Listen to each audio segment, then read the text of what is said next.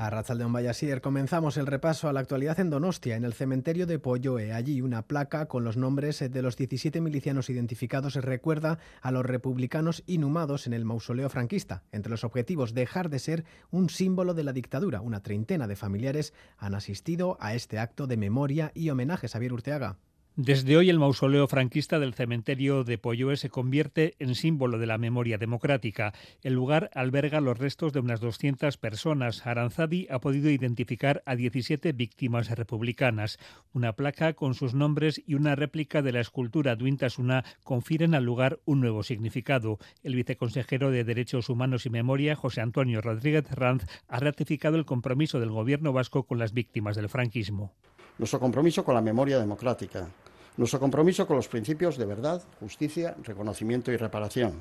La decisión de resignificar el lugar se tomó tras una investigación impulsada por Gogora y el Ayuntamiento de Donostia, en Ecogoya, alcalde. Dejar aquí el recuerdo para siempre de la memoria de las personas que perdieron la vida luchando por la libertad y reivindicar su dignidad. Al acto han asistido familiares de siete de las personas identificadas. Han recibido una copia de la escultura y un informe con documentación en torno a sus familiares. A mi padre lo fusilaron porque no quiso salir a defenderles. Es muy importante recordarles, oye, por lo menos que sepa la gente lo que pasó.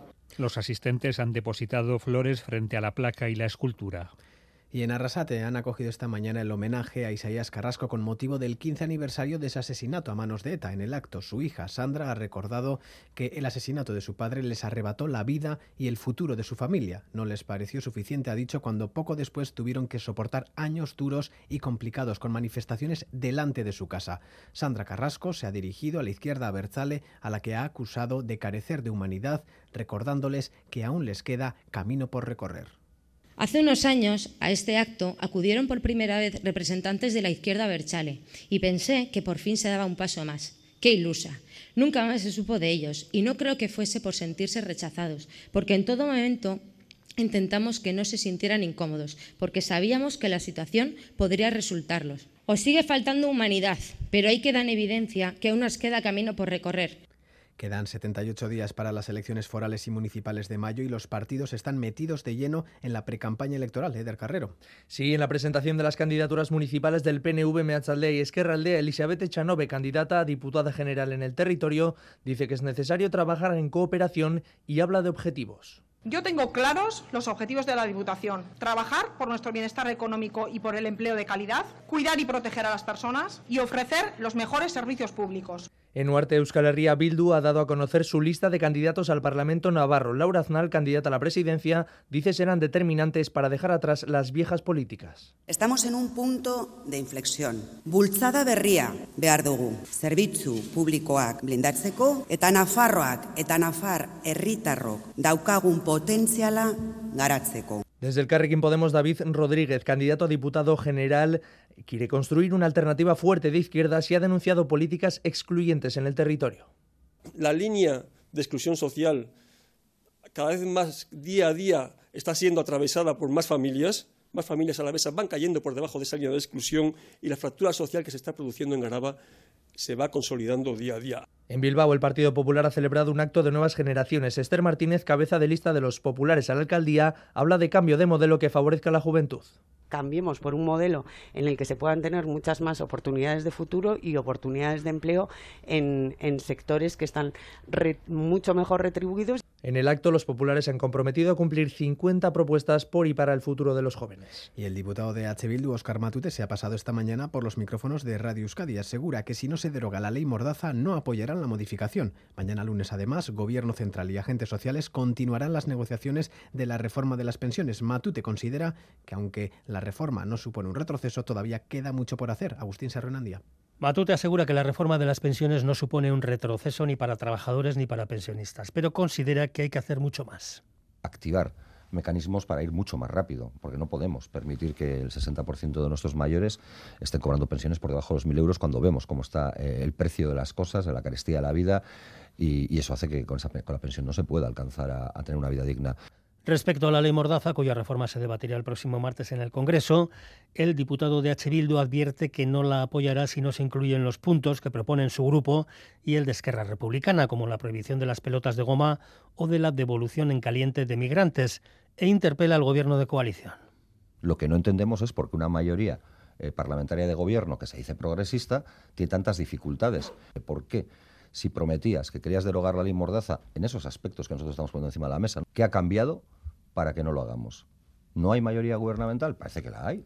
Matute también advierte de que H. Bildu no apoyará la ley de la vivienda. No hay ningún acuerdo cerrado todavía, asegura, y no lo habrá si el Gobierno no asume cuestiones que plantean los grupos independentistas, como las relativas a los desahucios o al control de los alquileres. Las pensiones, la ley Mordaza, la ley de vivienda son muchas las negociaciones en marcha en estos momentos en Madrid. El Gobierno tiene muchos frentes abiertos, tanto dentro como fuera de su seno. Desde la Morada esperan poder aprovechar este último año de legislatura y no doblegarse ante la derecha. Apuestan por sacar adelante la ley de vivienda que lleva ya 13 meses en el limbo. Madrid y Saro Baza, León. A León, eso es. Después de meses de negociaciones, los socios aún no han llegado a un consenso en la ley de vivienda. Por ello, desde Podemos lanzan por enésima vez al PSOE un llamamiento para sacar el texto adelante. Yone Belarra. Y es que no podemos desperdiciar el último año de legislatura despejando los balones que nos lanza la derecha. Y que si no han aprobado la ley de vivienda por compromiso con los derechos sociales, por lo menos que lo hagan por electoralismo. Sin embargo, los socialistas afirman que un acuerdo está cerca y que hay que seguir gobernando para seguir avanzando en materia de vivienda. María Jesús Montero. Una legislatura en la que la vivienda, la capacidad de que las personas no tengan que hipotecar la gran parte de su salario para poder tener un piso en alquiler, entonces tenemos que seguir gobernando el escollo de la negociación está en el tope de los precios del alquiler y en la demanda de los morados para que ese tope también se amplíe a los nuevos contratos. Y la localidad vizcaína de Navarniz acoge hoy diversos actos en solidaridad con el periodista Pablo González, encarcelado en Polonia desde hace más de un año, acusado de espiar para Rusia. El pasado viernes, su abogado Gonzalo Boye pudo visitarle por primera vez. En declaraciones a ITV, Boye ha recordado que su defendido está sometido a un estricto régimen carcelario, 23 horas al día, encerrado en una celda, con solo tres horas semanales para salir al gimnasio y con las únicas visitas de sus abogados polacos, además de la que pudo hacerle su compañera y la que ahora ha podido hacerle él. En cualquier caso, asegura, se encuentra anímicamente bien. La visita ha sido muy buena, entre otras cosas, porque le ha aclarado un poco cuál es la estrategia de defensa. A mí me ha servido un poco también para saber por dónde han ido los interrogatorios y prever qué cosas tenemos que preparar. Creemos que están dando vueltas en círculo. No hay una, una línea de investigación que sea clara y evidentemente lo que no hay es un delito. Y hoy la Cruz Roja ha realizado en Orio un simulacro de respuesta en emergencias terrestres y marítimas. Han participado 100 personas y han tenido la ayuda de un dron. Nerea Inchausti, Arrachaldeón. Arrachaldeón, el encuentro, el simulacro, ha sido en la zona de la playa Oriotarra, donde se han reunido los y las profesionales y voluntarios de la Cruz Roja, también los de SOS de Yakbatbatvi. Un equipo humano de 80 personas en total que ha realizado ejercicios de rescate terrestre y acuático con personas reales. Ireitze Charri, desde el Centro de Operaciones Autonómicos, nos cuenta en qué consisten las pruebas bueno, consiste es un poco en la cohesión entre, y la convivencia entre los diferentes equipos para sacar una emergencia adelante. Mientras se hace el rescate, también existe un equipo especializado que atiende a los y las menores, lo explica una voluntaria. Pues lo que intentamos es que se evadan de este, digamos, catástrofe o de este problema sanitario y que ellos eh, psicológicamente también estén más en su mundo y que no cree problemas psicológicos a futuro también. La última incorporación en los rescates es un dron. Su papel es vital en estos momentos, básicamente porque nos, digamos, en sitios amplios de búsqueda, desde el aire localizamos rápidamente, ¿no? Estas actividades han sido muy demandadas por parte de los voluntarios después de que en la época del COVID se interrumpieran y es que dicen les permite poner sobre el terreno y en conjunto lo que han practicado individualmente. El Departamento Vasco de Seguridad activará este lunes el aviso amarillo por viento que podrían superar los 100 kilómetros por hora. Previsión de Euskalmet con Egusquiñi Turrioz, Arrachaldeón. Arrachaldeón, durante las próximas horas tendremos ambiente soleado y templado. Veremos algunas nubes, pero los claros serán amplios. En la mitad sur nos acercaremos a los 20 grados y en la mitad norte superaremos con facilidad esos 20 grados. Y mañana empezaremos la jornada con viento del suroeste intenso y con temperaturas altas, especialmente en la mitad norte. Mañana por la mañana no esperamos lluvia y el ambiente será soleado, pero por la tarde cambiará la situación. Más noticias así en una hora y en todo momento en itv.eus.